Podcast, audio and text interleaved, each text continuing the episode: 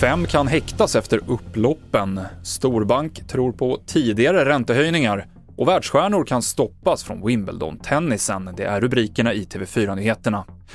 Vi börjar med att berätta att en man i 50-årsåldern har avlidit efter en lägenhetsbrand i Västerås igår kväll.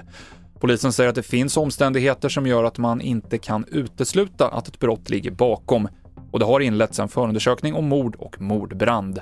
Polisen säger till VLT att man utöver teknisk undersökning kartlägger den döda mannens bakgrund.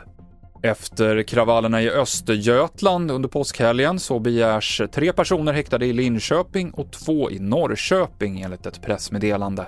Häktningsförhandlingarna kommer att hållas senare idag. Det är fyra män i 20-årsåldern och en i 30-årsåldern som bland annat misstänks ha kastat sten mot polisen. Vår reporter berättar mer om de misstänkta personerna på tv4.se.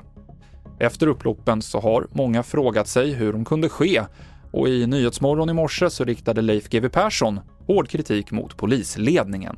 Jag tycker att den centrala polisledningen har misskött sig gruvligt i, i den här situationen och det har utsatt deras an, anställda på fältet för stor fara. Va? Alldeles onödig fara. Faktum är ju att de förfogar över massor med resurser.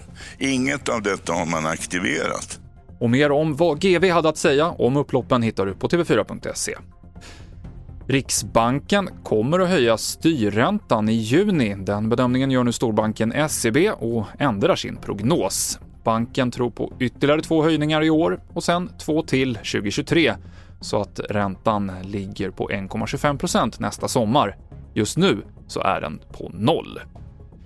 Vi avslutar med tennis och Wimbledon, för ryska och belarusiska spelare kommer inte få delta i årets turnering, enligt uppgifter till New York Times. Och det här beror såklart på Rysslands krig i Ukraina, som ju Belarus stöder. Det här skulle i så fall innebära att eh, herrarnas världstvåa Danil Medvedev är en av dem som stoppas från deltagande. Ryska idrottare har utestängts från stora delar av idrottsvärlden, men de har hittills fått delta i tennisturneringar. Fler nyheter hittar du i vår app TV4 Nyheterna. I studion idag Mikael Klintevall.